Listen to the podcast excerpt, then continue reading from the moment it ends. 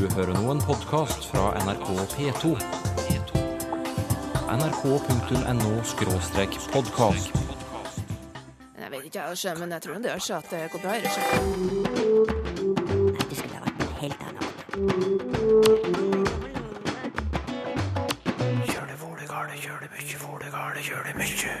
På Snorres tid skilte vi ikke mellom norsk, dansk og svensk. Det er ikke noe klar oppfatning om at det er ulike språk i Norden. Det er samme navnet som blir bruka, dansk tunge.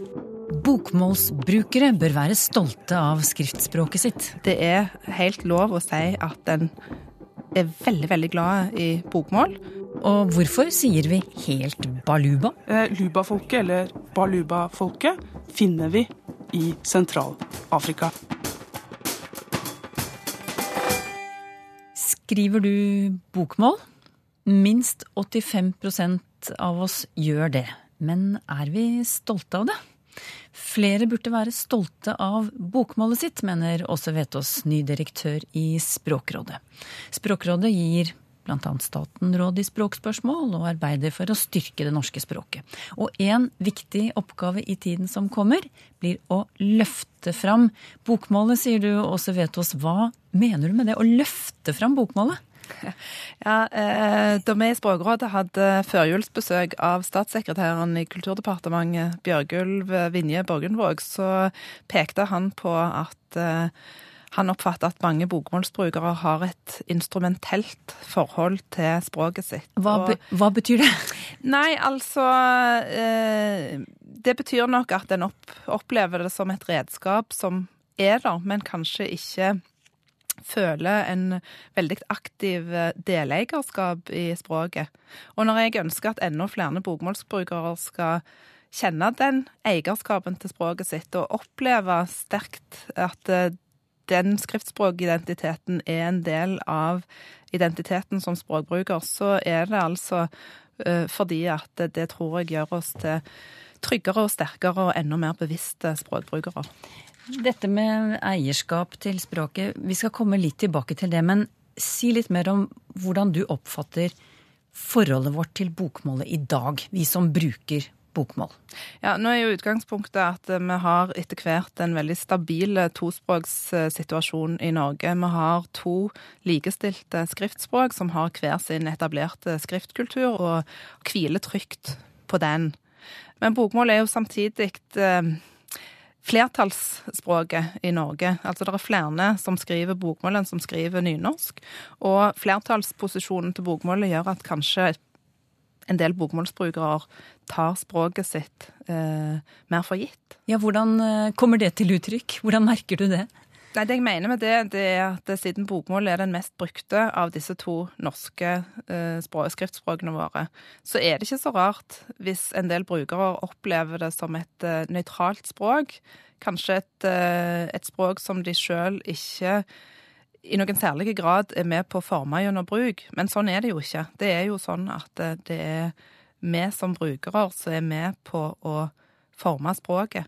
Ja, hvordan, hvordan gjør vi det med bokmålet? Mm, vi gjør det på den måten annet at hvis vi har en aktiv eierskap til språket, så er vi kanskje enda mer bevisste på formuleringene våre, enda bedre til å dyrke de gode forbildene. Ja, der, der kom det uttrykket inn igjen.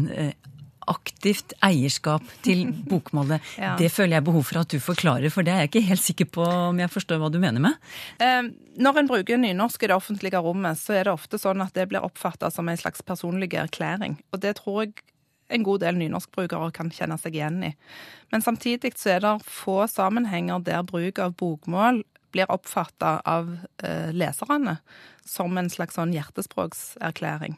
Dette dreier seg ikke om å om en reaksjon mot den andre målformen. Altså Litt høgstemt så kan en si at det, det bør være rom for å kunne elske både bokmål og nynorsk som selvstendige objekter, ikke som en reaksjon på det ene med å bruke det andre, men i form av eh, at en har en positiv identifikasjon med målformen sin, og at en føler at eh, dette er mitt skriftspråklige uttrykk. Mm. Hva er det du savner når det gjelder bokmål Bokmålsbrukernes forhold til skriftspråket sitt?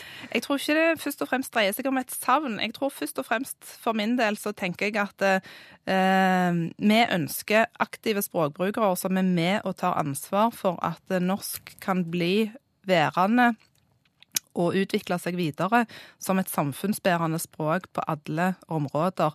Og da trenger vi mange språkbrukere der ute som er glade i, og som er med og passer på språket, og som passer på at eh, vi ikke eh, får eh, f.eks. det domenetapet som vi er redde for at vi skal få på enkelte utsatte eh, samfunnssektorer. Du må, du må, forklare domenetap ja. kort. Eh, noe, I noen samfunnssektorer så ser vi at det der sniker seg inn en tendens til at f.eks. engelsk blir foretrukket framfor norsk. Det gjør at eh, vi da kan stå i fare for å mangle et eh, godt, solid fagspråk til å eh, bruke på de samfunnsområdene der dette er et problem. Men hvis vi har mange trygge, sterke språkbrukere som er bevisste på språket sitt, og som ønsker å bidra aktivt til å være med og opprettholde språket som fullstendig samfunnsbærende språk, så kan vi være med sammen og hindre den lekkasjen. Mm. Du, jeg, jeg er, henger meg fremdeles litt opp i dette at vi skal få et aktivt, eller mer aktivt eierspråk til bokmål. Jeg har liksom ikke helt klart å, å gripe det, det der ennå. Hva skal jeg som bokmålsbruker gjøre? Hva er det du ønsker, hva er det du vil meg? ja, jeg ønsker at eh, en skal eh, Jeg ønsker at alle språkbrukere skal både reflektere over og glede seg over, og oppfatte at de skal kunne sette pris på skriftspråket sitt og på den stilvariasjonen det rommer. Eh, stopp litt opp og tenk litt på eh, egen språkbruk av og til. Eh, reflekter over eh, språkbruken. Både eh, egen språkbruk og andre sin språkbruk en gang innimellom. Og dyrk de gode eh, tekstforbildene. Og så er det òg sånn at eh, det er helt lov å si at en er veldig, veldig glad i bokmål, uten at det blir en kommentar om det andre skriftspråket. Hvorfor sier vi ikke oftere at vi er glad i, i, i bokmålet, da? Nei, det kan jo ha med den eh, flertallsposisjonen eh, som bokmålet har. Altså at eh, bokmålet tar vi kanskje mer for gitt. Eh, det er jo en, en litt sånn en eh, forslitt eh, gammel spøk, dette med at nynorsk er så vakkert i dikt. Men vi ville synes det var veldig rart hvis noen sa at eh, bokmål er så vakkert i dikt. Og det har nok med flertallsposisjonen til bokmålet å gjøre. At det, det, ville være en, eh, det ville være en påfallende og kanskje nesten litt sånn provoserende ting å si. Men det bør absolutt være lov å si pene ting om bokmålet, mente Åse Vetås, ny direktør i Språkrådet.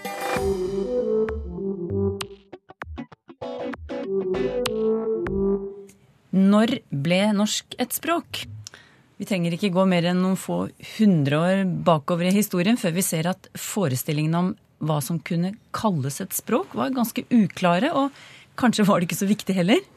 Språkforsker eh, Ivar Berg, dette kan du fortelle mer om, og du har lovet meg et sitat fra Snorre Sturlason. Hva, hva får vi høre?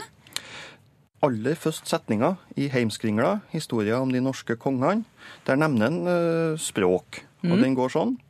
I båk fessi let ek rita fornar frasagner om hovdingja tha, riki hava haft og Norderlondom, og å danska tungo hava mælt. Det tror jeg du må oversette. ja. Det kan jeg godt gjøre. Altså at i denne boka har jeg skrevet gamle fortellinger om de høvdingene som har hatt makt i Norden, og har snakka dansk tunge. Og det er altså det språket som de snakka i Norden, det var ifølge Snorre dansk tunge. Ja, hva, hva, kan du lese ut av dette? altså, for, det er ikke noe klar oppfatning om at det er ulike språk i Norden. Det, har, det er det samme navnet som blir bruka. På, uansett om det da er norsker eller svensker eller dansker som, som snakker det. Mm. Men var det ganske likt òg? Det, det, var dialektforskjeller. Det kan vi se uh, i tekster fra den tiden. Men uh, det er ikke det er ikke noen store forskjell, da. Men hvorfor sier Snorre akkurat dansk tunge, hvorfor ikke svensk tunge eller norsk tunge? Det, det navnet må sannsynligvis ha vært sett av nabofolk, altså gjerne da lenger sør i Europa. Og det nærmeste folket de har kommet i kontakt med, er jo naturlig nok danskene som bor lengst sør. Og da har de da kalla det at det folket. Så litt tilfeldig, da. Det kan en nok Ja. si. ja. Mm. Men du, så, så kommer det noen hundre år der språknavnene norsk, dansk og svensk eh, dukker opp i skriftlige kilder, tilsynelatende litt sånn om hverandre og ikke knyttet til noen bestemte språklige trekk. Og da lurer jeg på hvilken funksjon hadde disse navnene da? Nei, De første gangene vi møter de her moderne språknavnene, så er i kring 1300. Da, da dukker svensk og dansk opp som navn på språka i, i kjeldom. Men de første gangene vi møter dem, så er det bestandig i snakk om oversettelser, eller bruken av det hemlige språket i motsetning til noe som er mer framont, altså i motsetning til latin eller fransk eller tysk. Ja, kan, kan du ikke gi et eksempel som eh, illustrerer akkurat det der? Jo, jeg kan ta det. Det første gangen språknavnet svensk er bruka, så er det ei oversettelse av en sånn romanse. Og der heter det at den her er oversatt fra fransk og til svensk. Altså i motsetning til fransk. Men eh, oss har òg eksempel på at de blir bruka helt om hverandre når det gjelder norsk og dansk. Der har jeg noen eksempel fra 1530-åra. Der er det noen klager på at eh, messo, altså kirkemesso, blir hildet på norsk imot Den hellige kirkes skikk og bruk. Og omtrent samtidig så har du et, en, nesten akkurat samme setningen, der det er snakk om at messe blir hildet på dansk. Så her, Poenget her er at er den protestantiske messeskikken der du på morsmålet, i motsetning til den latinske liturgien i den katolske kirka. Så det er altså det, er reformasjon det handler om. Men forskjellen på norsk og dansk er ikke, er, er ikke tydelig.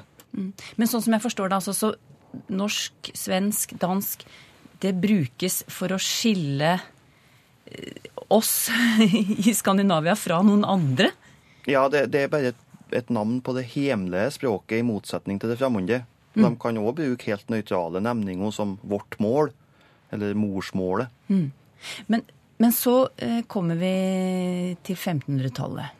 Og, og som du sier, det hersker da eh, en forestilling om at vi snakker ett felles språk i Skandinavia, og det er litt tilfeldig hva vi kaller det, om det er vårt mål eller dansk eller svensk osv. Men i 1520-årene da ser vi for første gang i eh, Skandinavia at språk blir brukt som nasjonalsymbol. Hva er det som skjer? Den første gangen du ser det sånn tydelig, det er Gustav Vasa, den svenske kongen som trekte Sverige ut av Kalmarunionen, den Altså- nordiske union. Ja. Og han eh, argumenterte da for at han ville gjerne ha med seg Skåne òg, det var jo dansk land den tida. Men han mente jo det at skåningene de hadde jo samme språk og samme skikker som svenskene, og burde naturlig høre til Sverige. Og enda mer eksplisitt, det er han i et brev han sender til en fut. Og Der får futen beskjed om at han skal gi skriveren sin ordre om at han bliver ved sitt modermål svensken og skriver oss ikke jeg for ja til. Altså at han har bruka feil form av pronomenet i et brev til konga, og må bytte ut det. Hvor, hvor oppsiktsvekkende var det eh, dette grepet som Gustav Vasa gjorde med at det skulle være svensk? Det er faktisk nokså tidlig i europeisk sammenheng at, du, at, at språket blir et nasjonalsymbol og blir bruka i en sånn argumentasjon. Men norsk, da? Hvilken status har norsk eh, på denne tiden? Jo, nå er det jo sånn at Ikring år 1500 så ble dansk det eneste skriftspråket i Norge. Og Norge og Danmark fortsetter jo å være i union. Og det blir jo stadig tydeligere det her oppfatning om at det er dansk som er liksom hovedspråket. Og ser av og til at norsk blir da omtalt som en dialekt av dansk. På samme måte som jysk. Så en dialekt, altså. Ja. Ja. Eller et medspråk, som det også ble kalt. Ja, det, det finnes mange ord for dialekt som er i bruk den tida. Medspråk er et av munnarte og å vandle. Ja. Men så kommer vi til 1814, og Norge får egen grunnlov. Og da ser vi at norsk som språk omtales på en ny måte. Hvordan? Ja, i, det der er litt artig, fordi at i den første grunnlovsversjonen, den fra 17. mai, så er ikke språk omtala i det hele tatt. Men så måtte jo denne grunnlova revideres for union med Sverige. Og i den versjonen så kom det inn flere merknader om språk. Blant annet så kom det inn en helt ny paragraf 33. Der heter det at eh, alle forestillinger om norske sager, så vel som de ekspedisjoner som i anledning derav skje, forfattes i det norske språk. Og det her er jo skrevet på helt perfekt dansk. Ja. Men, Ja. men de kunne jo ikke godt kalle språket dansk heller. Det var jo Litt av poenget her var jo at vi ikke var dansk lenger. Nei. Og det som lå attom det her, var nok mer frykt for det at svensk skulle bli administrasjonsspråket i den nye union. Men hva syns danskene om at de kalte dansk for norsk, da? Nei, det var ikke spesielt populært. De mente jo det var litt av en tesnikels. Og for, Det ble litt sånn terminologisk, eh, et lite terminologisk problem, det her. og Derfor så blir gjennom store deler av 1800-tallet så blir det kalla modersmålet, som er mer sånn nøytral nemning. og Da er også tilbake til den middelaldersaken der de bare brukte morsmål eller vårt mål som er sånn nøytral uttrykksmåte. Ja. Men som vi vet, fra midten av 1800-tallet vokser to norske skriftspråk fram. Det som senere blir bokmål eh, og nynorsk. Så da var vi i havn, vi også, med, et, med nasjonalspråket vårt. Men du, disse små historiske dykkene vi har foretatt nå, hva forteller de om hvordan vi oppfatter språk? Først, så, først og fremst så viser det hvor tydelig de her oppfatningene våre av språk er formet av samfunnsforholdene ikring oss. Og ikke minst hvor vanskelig det faktisk er å skjære mellom språk og dialekt. Og du kan se, Det viser egentlig sannheten i et gammelt munnhell som sier det at et språk det er en dialekt med egen hær og flåte. Og det stemmer jo kjølig godt for de skandinaviske språka, som er forståelige, men som har hver sin hær og hver sin flåte. Ja, for ellers kunne vi vel like gjerne kalt norsk, dansk og svensk for skandinaviske dialekter. Ivar Berg er språkforsker ved NTNU i Trondheim. Det blir kveld, og så blir det morgentall, og så blir det ML-tall, hvis ikke jeg blir klein. Språkteigens lyttere går inn i det nye året med stor spørreiver, Toril Oppsal. For eksempel vil Ingeborg Guttormsgård Austrått gjerne vite opprinnelsen til uttrykket helt baluba. ja, helt baluba. Eh, dette her eh, veit ikke jeg helt sikkert, men vi kan eh, hente noe ut av baluba i seg sjøl, som er et folk. Lubafolket, eller baluba-folket, finner vi i Sentral-Afrika. At dette her er knytta til interaksjon med en folkegruppe på et eller annet nivå, hvor man har oppfatta noe som veldig vilt. Denne måten å bruke folkegrupper eller geografiske områder på for å beskrive noe som går over styr, eller som, eh, som eh, ja. Eh, Nå skal jeg bruke det uttrykket jeg tenkte på, som et parallelluttrykk. At noe er helt Texas. og der, der er det jo noen som har ja, Det har faktisk vært en del skriverier om det i USA i det siste. Hvordan nordmenn kaller villskap og at noe går over stokk og stein for helt Texas. Eh, Så der har vi det samme. At det rett og slett er noen konnotasjoner knytta til en folkegruppe eller et folkeferd som da smitter over på andre måter å evaluere en eller annen situasjon på. Eh, Så helt Baluba og helt Texas har nok samme type opprinnelse. Det handler om betegnelse på en type folk. Therese Andrews har merket seg uttrykket både, men også, som hun mener har erstattet både og, eh, både i tale og i skrift. Eh, Stemmer det at, at både, men også har eh, tatt over, Toril? Eh, Jeg gikk inn i noen av disse her talespråkskorpusene, altså samling med opptak av talespråk, som Tekstlaboratoriet eh, ved Universitetet i Oslo har. Og Der er det bl.a. et materiale fra 1970-tallet, og der fant jeg ingen av denne både med nok, men også. Eh, I et materiale fra 2005 så er det ett eksempel. Mm. Og så eh, legger vi til ti år, og der hører vi det faktisk på Språkteigen, også fra deg. Ja da, det vil jeg så- kan jeg innrømme. Så her, her har det skjedd noe, og så kan du jo da slå deg til ro med at her er det en blanding. Her har man rota sammen to uttrykk, både og, og ikke bare, men også. Eh, Så kan man konkludere. Eh, men det er jo eh, artig å tenke seg et svar på hvorfor. Ja. Er det greit å slå seg til ro med at man har blanda sammen noe? Ja, jeg lurer på om vi kan spore en grunn til dette. Fordi både og, dette uttrykket, det betyr jo i utgangspunktet ikke bare, men også. Men både og eh, betyr også veldig mange andre ting. Og både i seg sjøl kan være forsterkende. Man kan lete både høyt og lavt, og man kan være både stor og sterk. Eh, og at man ønsker å utnytte dette her forsterkende, og man ønsker å få fram andreleddet på en tydeligere måte. Istedenfor å si både Ann og Toril, Mm. så, så ønsker man å løfte fram at det ikke alltid er Toril, eller at det ikke alltid er Ann. Så Ja. da kan man komme med eh, både Ann, men også Toril. Ja. så man fornyer på mange måter andreleddets kraft ved å bruke dette uttrykket. Som i utgangspunktet nok er en sammenblanding, men man oppnår noe ved å blande på denne måten. Og det kan jo være grunnen til at også du, ikke bare, men også du, eh, kan finne på å si dette. Ja, men er det, er det noe altså det, det, er, ikke første gangen en lytter skriver til Språkteigen og, og kommenterer dette her og mener at det er ja, feil, og det høres dumt ut, og dette må vi slutte med, og så videre. Uh, Men er det så utbredt nå at uh, vi ser en formulering som på en måte nå er normal, hvis du skjønner meg? Eh, Det er vel i grenseland, kan jeg si. Eh, Jeg syns du skal gi eh, Det var vel Therese Andrews. Ja, skal få lov å ha rett i at dette er en sammenblanding av to uttrykk, men det er en sammenblanding som gir god mening, og kanskje særlig nettopp i en muntlig situasjon hvor vi trenger å understreke noe, og faktisk ikke har bestemt oss helt før vi finner ut at oi, det er jo også i løpende tale. Joakim Gulbrandsen spør hvorfor en person som gjør en ugjerning, kalles en gjerningsmann og ikke en ugjerningsmann. Eh, eh, Joakim Gulbrandsen stiller et godt spørsmål, eh, men en ugjerningsmann eksisterer. Hvis du slår opp i både bokmålsordboka og nynorskordboka, så finner du en ugjerningsmann der.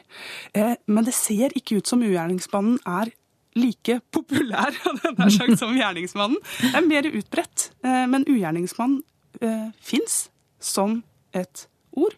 Så Joakim kan jo gjøre en innsats for å få bredd det ut.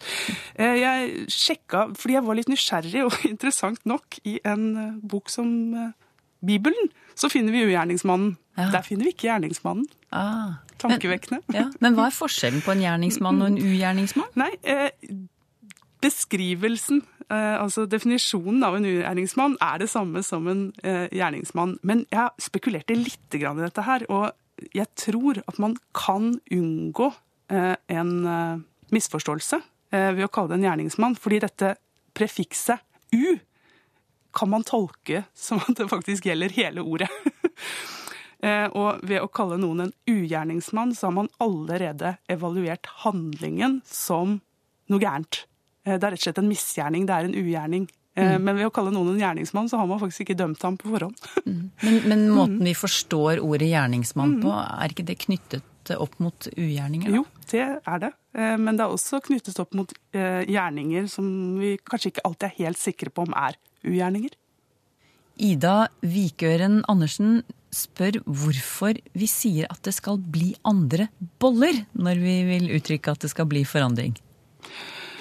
Eh, vet du hva, Ann? Det veit ikke jeg i utgangspunktet, men det er fristende å spekulere litt. Grann. Ja, gjør nå endelig det. Eh, Dette her med andre boller, det har vært eh, i språket vårt en god stund.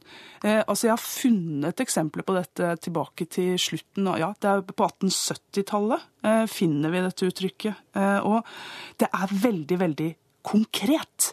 Mm. og det fins et kompleks med uttrykk som tar utgangspunkt i bakverk. Eh, dette her er veldig hjemlig, det er veldig felleskulturelt. Det er noe vi kan se for oss alle sammen. Og eh, vi kan snakke om at noe går som varmt hvetebrød, og du kan eh, mele din egen kake. Og når noe skal bli andre boller, så skal det bli noe helt, helt annet. Så jeg tror rett og slett det handler om at vi når mange. Vi kan se det for oss. Vi kan holde i dette helt konkrete bakverket. Eh, vil vel jeg tro. Og så kan man jo spekulere i hvordan disse andre bollene skal se ut, da. Hvis Ja. ikke de skal se ut som vanlige boller. Er- Blir de firkantet, eller hva, hva skjer, liksom? Ikke sant? Ja. Forkortelsen HR kan bety Human Resources, og Kåre Flåte skriver eh, betegnelser som HR-direktør og HR-avdeling er nå vanlig også i norsk statsadministrasjon. Hva er grunnen til at en må blande norsk og engelsk? Eh, Jeg syns det er veldig fascinerende at du sa HR kan bety Human Resources, and fordi du sa ikke HR. Nei, nei. Eh, Og her har vi nok en del av svaret for hvorfor dette her er så utbredt. Fordi eh, jeg skal være helt ærlig sjøl og si at jeg lurte på hva HR sto for. Eh, Og, og jeg har et klart, relativt klart bilde av hva det er for noe. Og Human Resources, det kan vi oversette til norsk som personalressurser. Det er den type avdelinger som driver med lønn, med ansettelser og personalsaker, annet.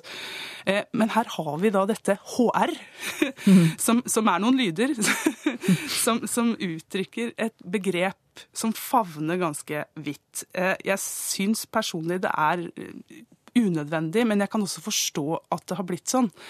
Og hvorfor disse to bokstavene HR har etablert seg, er jo igjen kanskje fordi det er relativt effektivt, og det favner ganske vidt. Men det er jo helt uforståelig for eh, mange. Altså, som du også antydet selv, Ja. så er det noe Eh, og, greit da, liksom. jeg hadde nær sagt spørre ti på gata eh, hva disse bokstavene står for. For det første, mm, ja, kanskje Jeg, jeg vet jo mange vet det, men ikke alle. Og ved å vite at de står for human resources, så kommer du ikke nødvendigvis så mye lenger. Eh, Dette er vel et form for stammespråk også, men i det øyeblikket du veit hva dette står for, så er det veldig dekkende og veldig effektivt. Men hvorfor vi må blande? Nja eh, Vi sparer vel noen, eh, noe blekk av den der sagt. Nei, eh, jeg skal ikke, ikke flåse, men, men, men dette her er helt korrekt observert av Kåre. Men hva, hva, hva kunne man ha sagt i stedet? Eh, Personalressurser. Eh, Du kan ha en personaldirektør. Ja. Det klinger da flott. Ja, kanskje litt enklere å forstå. Ja, Med mindre du da også har en god del eh, internasjonalt samarbeid, og du ønsker å knytte til deg eh, internasjonalt nettverk. Men da vil vel ikke dette nettverket forstå avdeling, så da er det jo like langt. Har du spørsmål til Språkteigen? Skriv til Teigen, krøllalfa nrk.no, eller til Språkteigen, NRK P2, 7005, Trondheim. Så finner du oss også på Twitter og på Facebook. Preposisjonen på vinner nytt terreng. Nei, det der har jeg kontroll på. Ah, han er kjempegod på språk. Noen kaller det påsjuke, men hva om det gjør språket bedre? Vi tar en debatt på det. Språkteigen neste gang.